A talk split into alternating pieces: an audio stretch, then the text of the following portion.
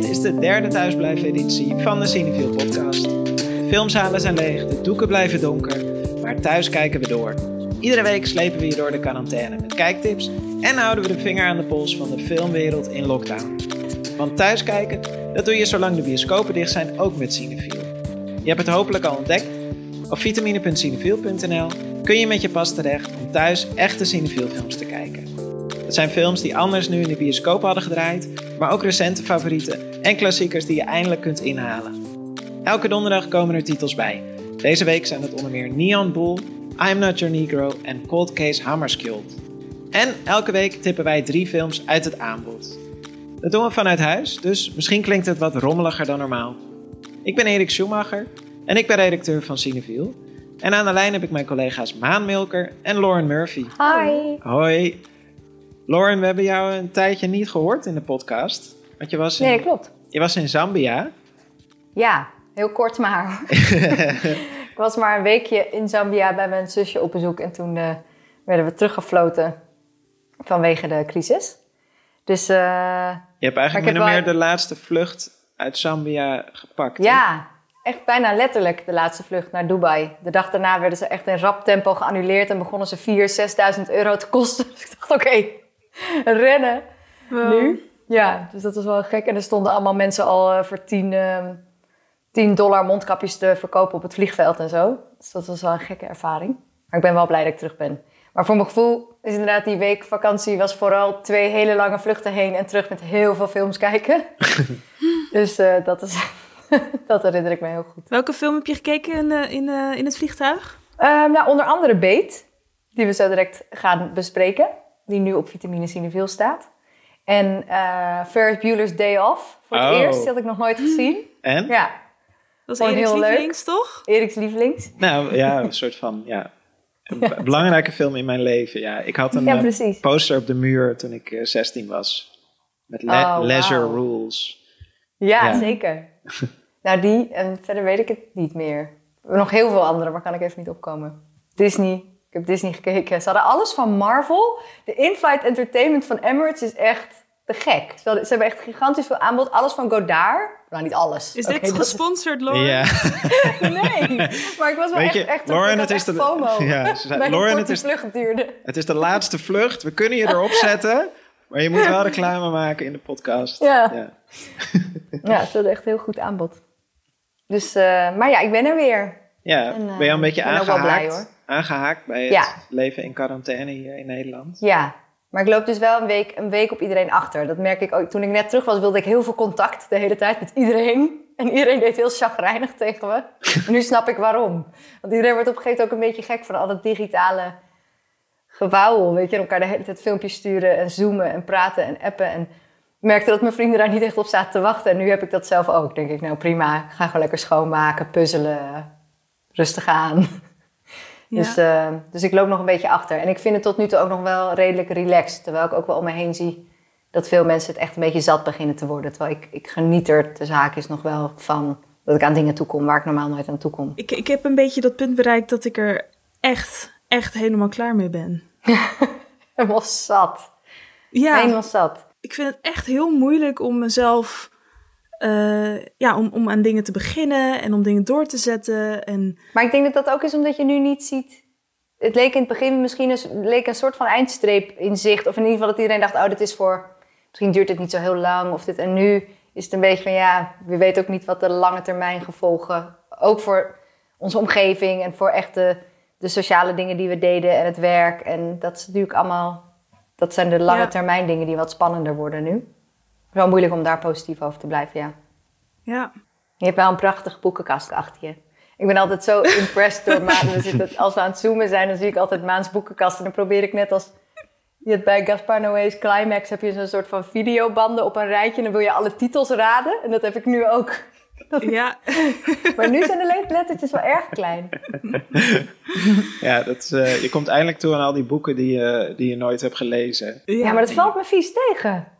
Soms denk ik wel, wat doe ik met mijn dag? Ik heb van alles gedaan, maar ik heb niet die ene klassieker gelezen of gezien die ik per se nog wilde gaan kijken. Jij Ah. wel? Ja, ik ben wel best wel aan het lezen geslagen. Ik ben nu De Goede Zoon eh, aan het lezen van Rob van Essen. En ik heb uh, Camus gelezen. En, uh, oh. De pest? Nee, Of, die uh, was uitverkocht. de, de, de vreemdeling. Ja, de vreemdeling. Maar oh, dat de vreemdeling gaat is over. zo mooi. De vreemdeling gaat dus over een man in de gevangenis. En ehm, die legt zich daar ook op een gegeven moment bij neer, bij dat hij in de gevangenis zit. En dat heeft mij denk ik ook geholpen om mij eh, neer te leggen bij een situatie waar wij nu in zitten. Ehm, hoewel het natu- natuurlijk gelukkig eh, onvergelijkbaar is met echt in een cel zitten. Eh, maar nee, eh, literatuur helpt mij dus wel. En film natuurlijk. Eh, Mhm. We gaan het weer over drie films hebben die op Vitamine Cinefiel staan. Eh, die wij iedereen willen aanraden. Lauren, welke film wil jij iedereen aanraden? Nou, de film die ik dus in het vliegtuig heb gezien, Beet. Die mensen nu gelukkig thuis op een hopelijk wat groter schermpje zonder snurkende eh, vreemden naast je. Geen vreemde, snurkende mensen. Maar geen snurkende vreemden in het vliegtuig hoeven te kijken. Ehm, dat is een hele mooie, hele interessante film die nooit in Nederland groot is uitgebracht. Dus het is echt wel heel tof dat we hem op eh Vitamine Cineview hebben staan. Hij heeft toen, dus een paar maanden terug, heeft hij alleen in Kino en Lab 111 en I een paar keer gedraaid. En eh, ja, dit is een soort hele grappige combinatie tussen een hele oude film qua stijl en een heel modern onderwerp. Namelijk, het onderwerp waar het over gaat is een, eh, een visser in Cornwall, in het zuiden van Engeland. Die ehm, ziet zijn manier van leven en zijn dorpje eigenlijk langzaam overgenomen worden door juppen met witte wijn die hun, hun oude vissershuisjes ombouwen tot Airbnb's en alle parkeerplekken eh, bezet nemen en dan heel erg gaan klagen over dat de vissersboot 's ochtends zoveel lawaai maakt, want ze liggen uit te slapen. Nou ja, Hey. ehm, dus dat kennen we. Ja, dat nou ja, als je in een stad woont in ieder geval herkenbaar thema. Ja. Ja, en nou ja, of, of als je dus in een klein dorpje woont, wat iedereen heel pit- pittoresk vindt. En, eh, en zeker in Engeland is dat dus een groot probleem in de kustgemeenschappen, dat de, de rijke Londeners met name daar alles opkopen. Ehm, tegelijkertijd zijn ze ook heel afhankelijk van, de, van het toerisme. Dus dat is, die, die balans is, dus moet natuurlijk de hele tijd opnieuw worden opgemaakt. En deze filmmaker Mark Jenkin heeft besloten om dit verhaal van deze visserman te vertellen in een soort van super groezelig, korrelig, 16 mm zwart-wit gedraaid op een hele oude camera van begin 20e eeuw. Ehm, hij loopt al 20 jaar met het idee rond, maar dat werd natuurlijk steeds prangender, aangezien gentrification en alles wat erbij hoort en eh, steeds erger is geworden de afgelopen jaren. En ehm, hij heeft het nu eindelijk gemaakt. Met, hij heeft het zelf gedraaid, zelf geschreven, zelf geëdit, zelf de muziek gemaakt. En weet je, op een gegeven moment had hij nog niemand die de soundtrack ging doen. Heeft hij dat zelf maar gedaan, maar wilde hij niet zichzelf ook voor de soundtrack op de credits zetten. Omdat hij al twintig keer op de credits staat. Dus nou ja, het is echt een eh, totaal passieproject. En ik, ik dacht eerst, ah, heb ik hier zin in? Weet je wel, een beetje zo... Het ziet op papier, je, je moet er wel zin in hebben, denk je. Zo'n best wel traag, zwart-wit. Ziet eruit als iets van Bergman of zo. Maar vervolgens is het, zit ook een beetje een soort hele droge Britse humor in. Die ook nog meer versterkt wordt doordat de audio later is toegevoegd over de beelden. Dus alles wordt zo heel erg droog en deadpan. En hij, zet, hij gebruikt zeg maar bijvoorbeeld de iconen. Dat vond ik heel leuk gevonden. De iconen die eh, juist in, in heel veel klassieke films en zo worden gebruikt voor, voor authentieke beroepen of eh, symbo- symbolisme. Zet hij dan juist in ook voor, ehm, voor de rijke juppen die daar dan langskomen. Dus hun witte wijn, hun glas, hun worden juist ook een soort, worden dan als iconen bijna in beeld gebracht. Ehm, dus het is een hele, ik vond het een heel mooi huwelijk tussen ja, een soort verhaal wat in dit, in dit geval echt in, of een vorm die echt in dienst staat van het verhaal en oud en nieuw samen. Ja. Ehm, ja, ik was er echt super. Ik heb hem twee keer gezien nu en ik vind het echt een van de meest bijzondere filmexperimenten in ieder geval van de afgelopen jaren. En er zijn ook echt hardcore fans van die film. We hadden vorige week een viewing party gedaan met hem, met Mark Jenkin. Ja, dus eh, dan gaan we allemaal tegelijk op, eh, precies tegelijk op play drukken en met z'n allen dezelfde film kijken. Eh, met zoveel Ja. mogelijk mensen bij elkaar. En dan hebben we een speciale gast. Met wie Ja. we dan na afloop een QA hebben, waarbij iedereen kan inbellen en vragen stellen. Ja, en dat was hij dus dit keer. Dus hij belde in vanuit Cornwall. Ehm, hij heeft ook een oorbelletje in en zo. Hij ziet er een beetje uit als iemand uit zijn eigen film. En ehm, er waren dus allemaal mensen aan het inbellen vanuit Engeland. En allemaal Cornish mensen uit Cornwall die in Nederland wonen. Die echt helemaal speciaal voor hem, denk ik, daarna waren gaan kijken. En super veel vragen voor hem hadden. En heel erg, het werd opeens een heel verhaal over hoe in Engeland het geld zeg maar al heel lang regeert. En dat heel veel van de problemen die daar ontstaan komen door, dat, door de manier waarop het kapitalisme daar zegeviert, zeg maar. Dat zelfs tot in nu, dat als je ziet hoe er is bezuinigd op de gezondheidszorg bij de NHS in Engeland, dat dat nu natuurlijk in de huidige situatie tot heel veel problemen leidt. Dat kwam allemaal opeens naar boven in die Q&A. Dus ik werd, dit was echt een heel mooi, bijzonder gemeenschapsmoment in deze gekke tijden. Of zo. Dus je kunt hem terugkijken op YouTube. Ik vond het echt uh, een hele mooie ervaring. Ja. De Q&A, ja. En de film kan je dus op Vitamine Cineville kijken. En uh, ja, neem daar de tijd voor. Ik vind het echt een, uh, een pareltje. Cool. ja. Um, ik wil iedereen ook graag een film aanraden die op Vitamine Cinefiel staat. Uh, sinds deze week eigenlijk staat hij er pas op. Um, en dat is L'Illusioniste. Dat is een uh, Franse, ja. Franse animatiefilm uit 2010. Uh, het script is al veel ouder eigenlijk. Want dat is geschreven door Jacques Tati. Um, en... Oh, dat wist ik helemaal niet. Ja. Heel leuk. Uh, ah, ja. maar dat klopt wel. Ja, dat klopt toch? Eigenlijk is uh, het hoofdpersonage, ziet er ook wel uit als Monsieur Hulot. Het, uh, mm -hmm. het klassieke personage van Tati. Ja, Tati die kennen we natuurlijk van ambitieuze visuele comedies. Monocle, Playtime. Maar dat is wel... Deze film is best wel anders. Het, is een, het is een scenario wat hij dus heeft geschreven en, en nooit zelf heeft verfilmd.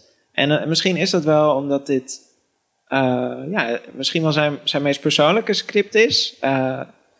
In ieder geval zijn meest emotionele, denk ik. Um, je voelt heel erg dat hij dit heeft geschreven als vader die zichzelf kwalijk neemt dat hij zijn dochters in de steek heeft gelaten. Um, het, ja, het, verhaal gaat over een, een oude goochelaar in een tijd waarin het publiek helemaal geen zin meer heeft in oude goochelaars. Uh, het, is, speelt zo'n beetje in de jaren 50, de jaren 60. Televisie en rock and roll nemen alles over. En deze oude goochelaar die trekt door Schotland om op te treden in steeds kleinere zaaltjes, in steeds uh, muffigere herbergen. En in een van die herbergen ontmoet hij dan een uh, jonge arme vrouw uh, die daar werkt. En zij denkt eigenlijk dat hij echt kan toveren. En zij gaat hem dan ongevraagd volgen op zijn reis. En in plaats van haar uit die droom te helpen, houdt hij eigenlijk, uh, kiest hij ervoor om die illusie in stand te houden. Um, en, of een illusie waar ze allebei heel graag in willen geloven, eigenlijk. De illusie dat je je leven zomaar kunt omtoveren. En wat ik, ja, dit is zo'n film die dan in het laatste shot opeens Um, Niet weggeven. Nee, precies. ik, ik, ik, ik, probeer er omheen te praten. Maar uh, het is in ieder geval.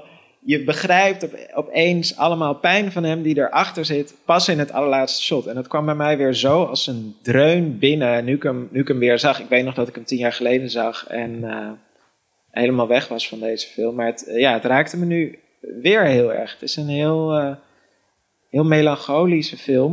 Het is ook een, natuurlijk een heel nostalgische film uh, van Tati, weten we. Die was heel kritisch op alles wat modern was.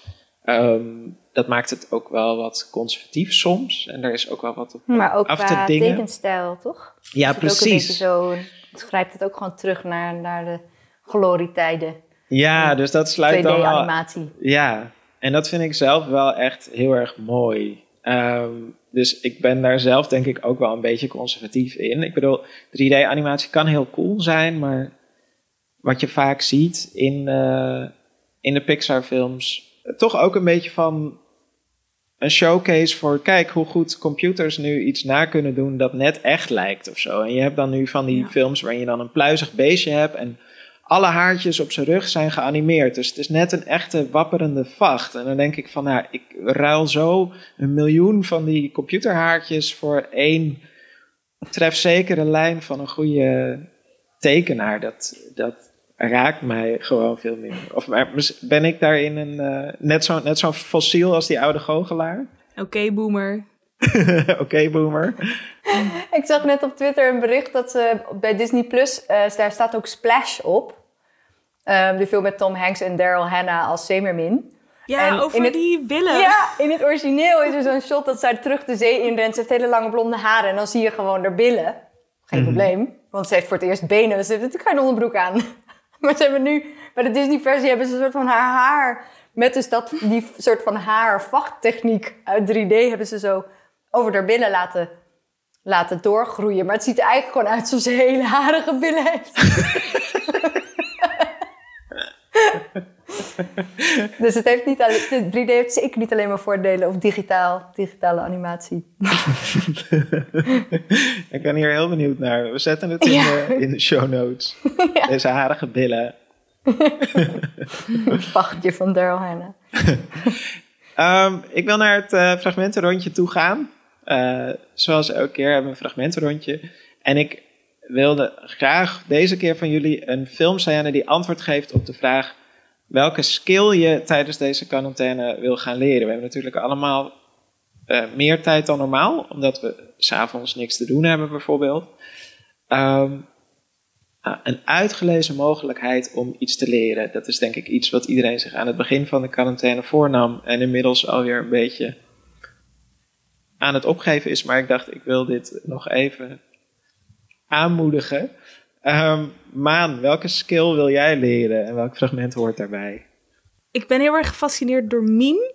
En dus, dus zeg maar met je lichaam echt heel erg een verhaal vertellen... wat dan net geen dans is, maar het is ook niet gewoon acteerspel. Ja. Snap je? Ja. Het, is, het, is, Mhm. het, het zit ergens heel erg op de grens. Dus, en ergens denk ik altijd... eh, ik kan er heel erg van genieten als mensen hele goede controle hebben over hun lichaam in de zin van dat ze eh, hun emoties heel erg precies kunnen overbrengen, bijvoorbeeld. Of weet je, zoals dat probeerde ook op te letten, hoe mensen dan zo hè, net een klein beetje naar achteren gaan op het moment dat iemand net iets dichterbij komt. Zo. Weet je, je hebt allemaal van die cues waaraan je dingen kan aflezen van wat er echt speelt. En eh meme-spelers zijn daar de koningen in. En een film waarin dat een belangrijk onderdeel is, eh, is Burning van Lee Chang-dong. En dat is gebaseerd op een Murakami-verhaal. En daarin is een van de hoofdrolspelers is een eh, amateur meme-speler. En zij zegt ook van, ze- zeg maar, zij, zij eh peelt, hoe noem je dat? Pellen? Telt? Ja? ja? Pellen! dat is een raar woord. Ik zag het je voordoen, toen wist ik wat je bedoelde. Eh, een, eh, zij pelt een, een sinaasappel en dan zegt ze van... Je moet niet proberen te denken dat die sinaasappel er is. Je moet vergeten dat die er niet is. Ik denk dat dat een heel belangrijke les in fantasie is. Ja, Eh, van alles kan, maar je moet, je moet je wel actief bedenken dat het... Of je moet eigenlijk vergeten dat het niet kan. Ja, Ehm, wat je sowieso bij films kijken heel veel moet doen. Anders werkt het niet. zeker. Of waar het, waar het eigenlijk al zo erg vanzelf gebeurt... dat films daarom ook zo goed werken of zo. Mhm. Weet je, dat je daar gelijk helemaal ingezogen wordt en denkt van... oké, prima, ik, ik ga hier eventjes in mee voor twee, voor twee uur. Ja. Ehm, en het fragment wat daarbij hoort is een nummer van Miles Davis, eh generiek. En dat is ook weer uit een film, uit eh Ascenseur pour l'échafaud van Louis Malle. En dat is een film uit 1958 waar Miles Davis live, toen hij de film keek, de soundtrack over heeft gespeeld, geïmproviseerd. En daar komt dit nummer uit. En in Burning vindt hier dan een soort pantomimische dans, kan je dat zo zeggen, op plaats. En eh, ja, vind ik heel inspirerend. Misschien ga ik dat wel, eh, wel ook proberen hier in quarantaine. Oh, ik kan niet wachten. Misschien moeten we een soort bonte avond, post-corona bonte avond doen met al onze skills. Ja.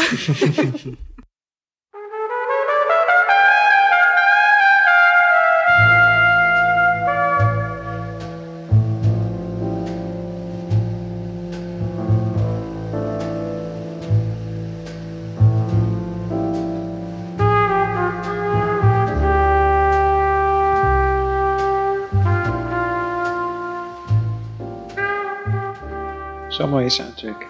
ja. Lauren, welke skill ga jij leren? Ik heb, het zo, ik heb helaas iets veel platters dan Maans prachtige verhaal.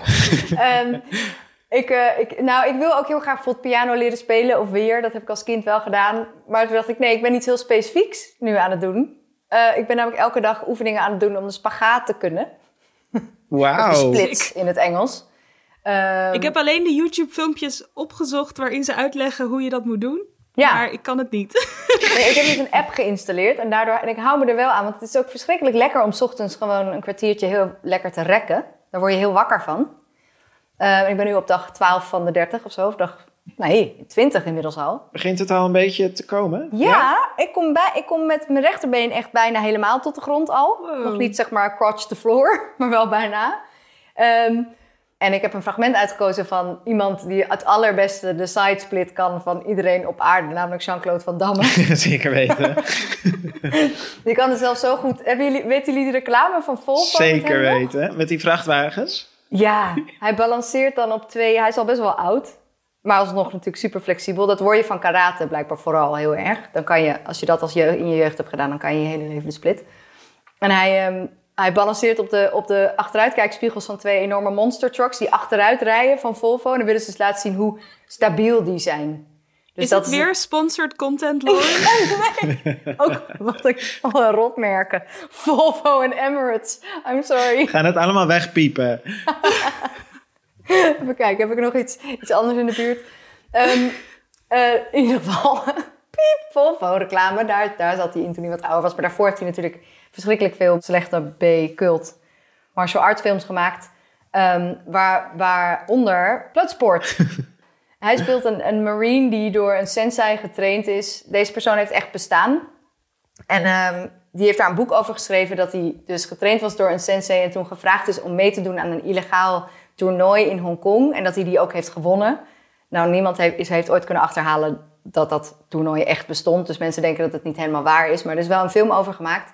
En ehm, dit is een moment dat Jean-Claude Van Damme net is aangekomen in Hongkong en hij heeft daar een andere vechter ontmoet en die komt hem halen op zijn hotelkamer. En dan zit hij tussen twee stoelen, dus met zijn ene voet op de ene stoel en de andere op de andere, echt in een split die bijna doorzakt tot de grond. Nou ja, dat als je ooit wil zien, wil zien hoe een goede split eruit ziet, dan is dat het. Maar die hoop ik niet te kunnen, want volgens mij gaat er dan van alles mis. That hurts me just looking at it.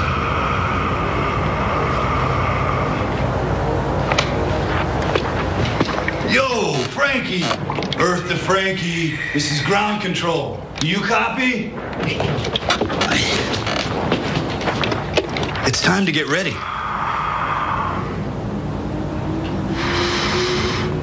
Hey, you know, you better stop doing that stuff. You might want to have kids one of these days. Nou, ik kan niet wachten op de bonte avond, eh Lauren, waar, waarop jij dit, dit demonstreert. Don't try this at home. maar goed, dat eh spagaat leren is wel heel lekker. Ja, Dus dat kan ik iedereen aanraden. ik vind het heel inspirerend. Ehm, ik, eh, ik ben geïnteresseerd geraakt in een skill eh, die ik niet kan demonstreren op een eh, bonte avond. Ik eh, wil eigenlijk leren hoe ik mijn eh, dromen kan beïnvloeden. Hoe ik eh, Oh ja. lucide kan dromen. Lucid dreaming. Ja, ik heb het er wel eens eerder over gehad, toen we het over Atlantiek hadden, dat ik soms eh, eh, Ja. droom dat ik bijna overreden word en, door de kamer sp- spring en met een verschrikkelijke schreeuw. Ehm, dus ik zou wel graag een wat rustiger dromenleven hebben. En zeker ook in deze tijden van nergens heen kunnen. Ja, lijkt me dat fantastisch om gewoon op Ja. stap te kunnen gaan in je, in je dromen. Dromen jullie niet ook meer? Ik droom meer dan normaal. Ik droom ook meer, ja. Ja, maar ik had allemaal echt enge dromen. Ja, Ja. ja, ik Dat ook. ik dacht van, Ja. ik hoop dat dit niet waar is. Mhm. Weet je, zo net wat te realistisch. Ja, het is een angstige tijd natuurlijk ook. Met veel enge verhalen ook in het, in het echt. Dus ik ben ook veel aan het dromen. Ja. Dus daarom was ik daarover aan het lezen. En dan lees je heel vrolijke verhalen over mensen die dan goed zijn in lucide dromen. Bijvoorbeeld kunstenaars die geen inspiratie hebben en dan in hun droom naar een galerie gaan waar werk van hun is geëxposeerd. En dan naar schilderijen kijken die ze dan dus zelf hebben geschilderd, maar die nog niet bestaan. En die gaan ze dan naschilderen in hun echte leven. Nou, Wow. Ik vind het heel interessant. En eh, ik moest denken aan eh, The Science of Sleep. Film van Michel Gondry uit, eh, uit 2006. En eh, daarin speelt Gael Garcia Bernal, speelt Stefan en eh, zijn buurvrouw Stefanie, gespeeld door Charlotte Gainsbourg. Ehm, ja, die krijgen, ja, die, die worden verliefd op elkaar, maar bij Stefan droomt, gaat altijd dromen en de werkelijkheid loopt door elkaar heen. En dat wordt eigenlijk steeds erger. Maar hij probeert dat zelf ook te sturen. En op een gegeven moment gaat hij dan eh, bellen met Stefanie. En dan eh, gaat hij zeggen: Oké, ik ga nu eh, in slaap vallen, maar je moet aan de lijn blijven. En dan gaan we met elkaar praten.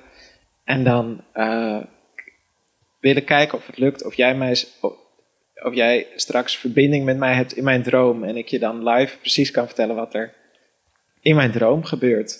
En dat gaan ze dan proberen. feel that I'm falling down into a black hole. You know that you could never see someone fall in a black hole? Because the image of the traveller who passes the horizon would slow down till it would remain stuck in the same position. The state he was when he crossed the line, only it's getting redder. Uh, the traveler gets crushed into spaghetti. And I don't want to be a spaghetti. I don't want to be a spaghetti. No, you won't be a spaghetti. I don't want to be a spaghetti. Stefan?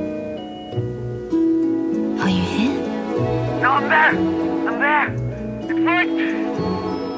It's. Maan, we gaan zo naar jouw tip. Uh, maar eerst even dit. Het zal geen filmliefhebber zijn ontgaan. De filmtheaters, bioscopen en filmdistributeurs worden hard geraakt door de coronacrisis. Van de ene op de andere dag moesten de deuren dicht en staan foyers en zalen leeg. En dat terwijl de filmwereld al weinig vet op de botten heeft. Om ervoor te zorgen dat de theaters straks weer open kunnen en de distributeurs de mooiste films naar het witte doek kunnen halen, is alle hulp meer dan welkom. En het is hartverwarmend hoeveel mensen aan ons vragen hoe ze kunnen helpen. Dat kan. Er zijn twee manieren waarop je de filmtheaters via ons kunt steunen.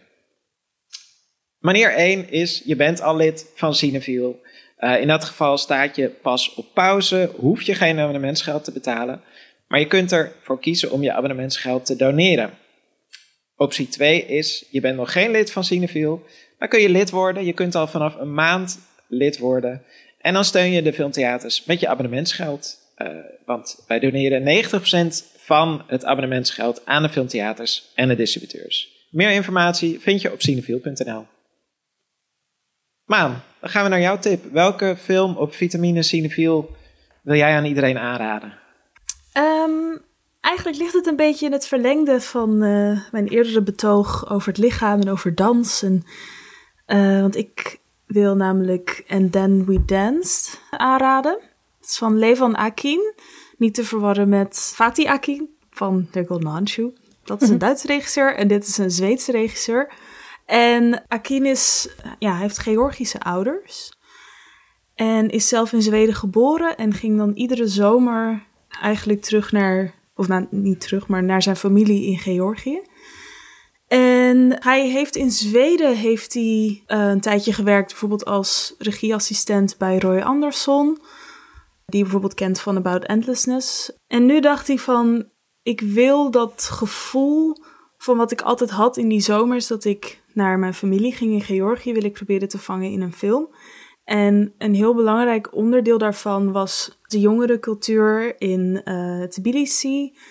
En dan specifiek van de queer jongeren en eigenlijk de onmogelijkheid om daar in het openbaar niet hetero te zijn, om het eventjes zo samen te vatten. En um, ja, de film gaat eigenlijk over een jongen die daar aan de traditionele Georgische dans doet. En dat is een dans die ze zeggen van je moet daar een soort maagdelijke onschuld uitstralen en toch heel mannelijk. En het is, ja, het is echt een, een dans die voor zoveel meer staat dan alleen maar choreografie uitvoeren. Het is echt een cultuur waarvan je de trots moet uitdragen en die ligt dan op jouw schouders. En ja, daarin komt heel veel toxic masculinity voor en uh, het, ja, als er een plek is waar je al helemaal niet vrij bent om, uh, ja, om jouw seksualiteit op het moment dat die niet hetero georiënteerd is, om die dan daar te uiten, dan is het wel die plek. En nou ja, je raadt het al, dat is wel waar de film eigenlijk over gaat. Over iemand die daar dus mee struggelt. En het is een heel mooi verhaal. Het is echt een, een liefdesverhaal. Um, de regisseur zei ook van ja, heel vaak heb je, heb je queer verhalen en die gaan dan juist over die kwelling van het niet kunnen uh, of het niet mogen zijn wie je bent of hè, dat alles in achterkamertjes moet gebeuren en dat komt ook in deze film voor. Maar hij zei ook van ik wou het ook niet te sadistisch maken in de zin van dat het alleen maar om die kwelling gaat. Hij wou juist ook het, het, het puberale daaraan, uh, hè, van hoe je dat helemaal verliefd kan worden op iemand en de hoofdrolspeler heeft dan een oorbel van zijn geliefde en daar valt hij dan zo mee in slaap. Ah. Dat, ja, het is echt zo. eh, Er zitten een paar ja, dat is ook gewoon heel mooi. in. Ja, en er is één t-shirt, dat viel me op. Eh, zeg maar, zijn, zijn love interest, die heeft een t-shirt aan met erop dwars door Hasselt. Wat? In het Nederlands. Dat is dan gewoon zo- en het is dan een een of andere wielerrace. En dan staat er Oh ja. Ja. eh, de 13 oktober 2005 op. Maar dat vond ik heel grappig. Oh ja, want het is best wel een wielernatie grappig. ook volgens mij, Georgië. Volgens mij komen daar ook bekende wielrenners vandaan. Ja, ah, dat weet ik niet. Ik ben daar zelf echt helemaal niet in thuis. Maar ja, ik weet niet. Het is gewoon echt zo'n film. Hij duurt best wel lang. Hij is bijna twee uur. Maar het is wel echt een film die de moeite waard is. Wat Lauren ook al zei over Beet. Gewoon om er echt even goed voor te gaan zitten. En Je wordt er helemaal verliefd van, toch? Het heeft wat dat betreft ja, zeker. hetzelfde effect Ja. als Call Me By Your Name had. Ondanks dat het natuurlijk veel te voor de hand ligt om die films met elkaar te vergelijken. Omdat het om twee mannen gaat. Maar dat soort van gevoel van verliefd worden, dat kreeg ik zo sterk daarvan. Ja, Er zit zo'n scène in dat ze samen gaan dansen als iedereen al ligt te slapen. En daar heb je inderdaad Ja. helemaal niet zoiets van, oeh, dit mag niet. Dat is gewoon helemaal, nee. die gaan gewoon helemaal in elkaar op. Ja, Echt prachtig. en ook een hele spannende soundtrack. Aan de ene kant heb je, dus in die scène die jij beschrijft, heb je dan een nummer van Robin. En aan de andere kant heb je de hele tijd die hele indringende eh, traditionele muziek die dan hoort bij die dans met hele heftige trommels. Eh, ja, waardoor het ook, ook in, in de hele soundtrack en de vormgeving is dat contrast heel erg mooi weergegeven tussen een ontluikende liefde en een wereld waar het juist gaat om in het gareel lopen, zeg maar. Ja, en ook toch dat mensen daar bij, eh, bij de première, dat er allemaal rellen waren ontstaan en zo. Dat je bij die film soms is, het, is de sfeer zo fijn of zo, dat je soms ook bijna Ja. vergeet wat, hoe dapper het is geweest, ook van iedereen die erbij betrokken is om die film te maken Ja, in Georgië. nou ja, wat dat betreft ehm, was het een, een voordeel dat het een Zweeds, een regisseur is met een Zweeds paspoort, waardoor het een Zweedse productie is, dus ook een Zweedse Oscar-inzending. Want waarschijnlijk had het binnen Georgië zelf altijd nooit het levenslicht gezien op deze manier. Eh, inderdaad, om, om wat meer context te scheppen van wat je ook noemt. eh, in de film komt ook de nachtclub Bassiani eh, naar voren. En dat is ja, een hele bekende technoclub waarin juist queer mensen hè, zich ergens vrij voelen in het donker. ehm, en daar zijn, eh, ik weet niet meer in welk jaar was, 2018, 2019, zijn er hele grote ehm, invallen geweest van de politie. Echt heel duidelijk met een homofobe ehm, grondslag. En ja, ik weet niet, het geweld daar liep gewoon best wel hoog op. En toen zijn er massale protesten geweest, eh, public raves, dat mensen gewoon de straat op gingen en daar eh, ja, gingen dansen. En dansen werd toen heel erg ook een, een hele belangrijke stem binnen dat protest. Van je kan mij niet, ik kan niet stoppen met dansen, basically. Weet je, dat je denkt van, dat Ja. kan je me niet ontnemen. En daar is ook een eh, documentaire over gemaakt door Nederlandse makers. Midnight Frontier heet het. En ja, dus inderdaad, er waren grote rellen tijdens de vertoning hiervan. Gewoon dat het echt zo gevoelig ligt. En omdat het nu dus niet het verhaal was van... oh, kijk eens hoe slecht het is. Maar het was juist van, kijk eens hoe fijn het is... Mhm. om, eh, ja, om verliefd te zijn eigenlijk. And then we danced. Uh, ja, prachtig.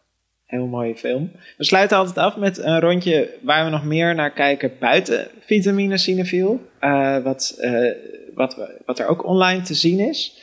Eh Lauren, ik ben heel benieuwd waar jij naar kijkt. Ik, ik, ik, had, ik hing weer op twee gedachten. Ik, enerzijds kijk ik naar hele eh, obscure, opgepoetste, verloren gewaande films op de site van Nicholas Winning Refn. Oh ja, Die trouwens ook op zijn eigen Instagram-account heel lekker bezig is. Want die is de hele tijd dansfilmpjes aan het opnemen met zijn tienerdochter. Terwijl hij helemaal niet kan dansen. Dus dat is echt ook heel leuk om naar te kijken. Maar die haalt dus pareltjes die echt verloren gewaand zijn. Waar dan ook allemaal die geweldige verhalen bij zitten. Van verloren in een verschrikkelijke overstroming in 2002, weet je wel. Of in 1960. Ehm, die kun je gratis, gewoon een account aanmaken, eh, bekijken op zijn site. Ehm, die zullen we in de, in de comments zetten. Maar waar ik stiekem ontzettend ook van aan het genieten ben, is de content van Wow. Dat is het platform wat ook eh, RuPaul's Drag Race uitbrengt. En die hebben allemaal soort sideshows erbij. En alle ehm, queens die in vorige seizoenen iets hebben gedaan, die krijgen dan allemaal hun eigen spin-off en weet ik het. En die zijn nu dus ook dingen vanaf huis aan het doen. Stay the fuck home eh, content noemen ze het, geloof ik. En daar is dan een gesprek tussen uh, Trixie Mattel en Katja. Ik kan haar achternaam nooit uitspreken, want het is een hele lange Russische achternaam. Die gaan dan met elkaar zoomen of met elkaar skypen, maar in full drag. Dus gewoon in hun eigen woonkamer de tijd nemen om er zo uit te zien en zo je te uiten. Ik word er gewoon verschrikkelijk blij van. Leuk. Uh, dus dat is mijn, uh, mijn escape content. En ik vind die twee echt extreem grappig. En Maan, waar kijk jij naar? Ja. Het is misschien een beetje voor de hand liggend, maar ergens ook weer niet, omdat ik denk dat veel mensen het ook een beetje vergeten.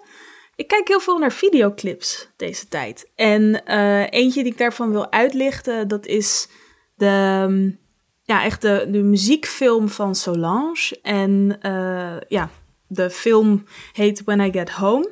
En uh, ik weet niet, dat is gewoon een album lang. Ontzettend mooie beelden en heel erg innovatief. Ja, gewoon echt heel erg origineel op een manier waarop je dat zelden ziet in feature-length films. En ik vind het dus zo vet dat zij eigenlijk dat idee van een korte clip heeft uitgetrokken tot, een, tot echt gewoon een lange film. Dus die is echt de moeite waard om te kijken. Ja, toch. Cool. Ik kijk, Jij? Ik, uh, ik kijk naar Two Lizards. Uh, dat is ja, een soort gloednieuwe korte animatieserie uh, van uh, Mariam Benani en Oriane Barki. Dat zijn ja, twee. ja, Benani is Marokkaans en Barki Israëlisch. ze wonen allebei in New York en ze maken videokunst. En um, zij maken eigenlijk twee filmpjes waarin zij zelf met elkaar praten over deze situatie in New York. Maar dan zijn ze twee lizards, twee glimmende 3D-hagedissen. Uh, ja, ik vind het heel leuk omdat het nu natuurlijk een soort van wachten is op de films die de coronacrisis gaat opleveren. Ik stel me voor dat er op dit moment honderden scenaristen overal ter wereld zitten te zwoegen op, uh, op treatments voor hun, uh, hun quarantaine romcom. Maar bij animatiefilms kan je nu gewoon beginnen. Um, en dat doen zij dus. En dat uh, slaat ontzettend aan. En, en, er komen ook allemaal mensen op af die dan zeggen van... Goh, uh, kan ik ook meedoen? Die leveren muziek of... Maar ook, die vertellen bijvoorbeeld hun verhalen. Dus er is dan een, een verpleegster in de... Er zijn nu vier afleveringen. En aflevering vier is dan een verpleegster. Dat is dan een, een poesje. Um, maar uh, die vertelt dan haar verhaal, hoe het voor haar is als verpleegster in New York. Um, en dat wordt dan allemaal op een heel coole manier geïncorporeerd op een soort. Ja, het zijn een beetje alledaagse babbelgesprekjes die dan toch ook iets filosofisch hebben. Een soort Richard Linklater-achtig gevoel krijg ik erbij. Wat heel goed soort van de corona-zeitgeist treft, uh, vind ik. Dus dat is een heel bijzondere manier om daar dicht op te kunnen zitten via, via twee hagedissen. En je kunt het volgen op de Instagram van Mariam Benani en dat is Benani. Um, dit was de derde thuisblijf-editie van de Cineville podcast. Maan en Lauren, bedankt voor het bellen. Yes. Alsjeblieft. Um, de films waar we het vandaag over hebben gehad, uh, Bates, L'Illusionist en And Then We Danced, zijn nu te zien op Vitamine Cineville.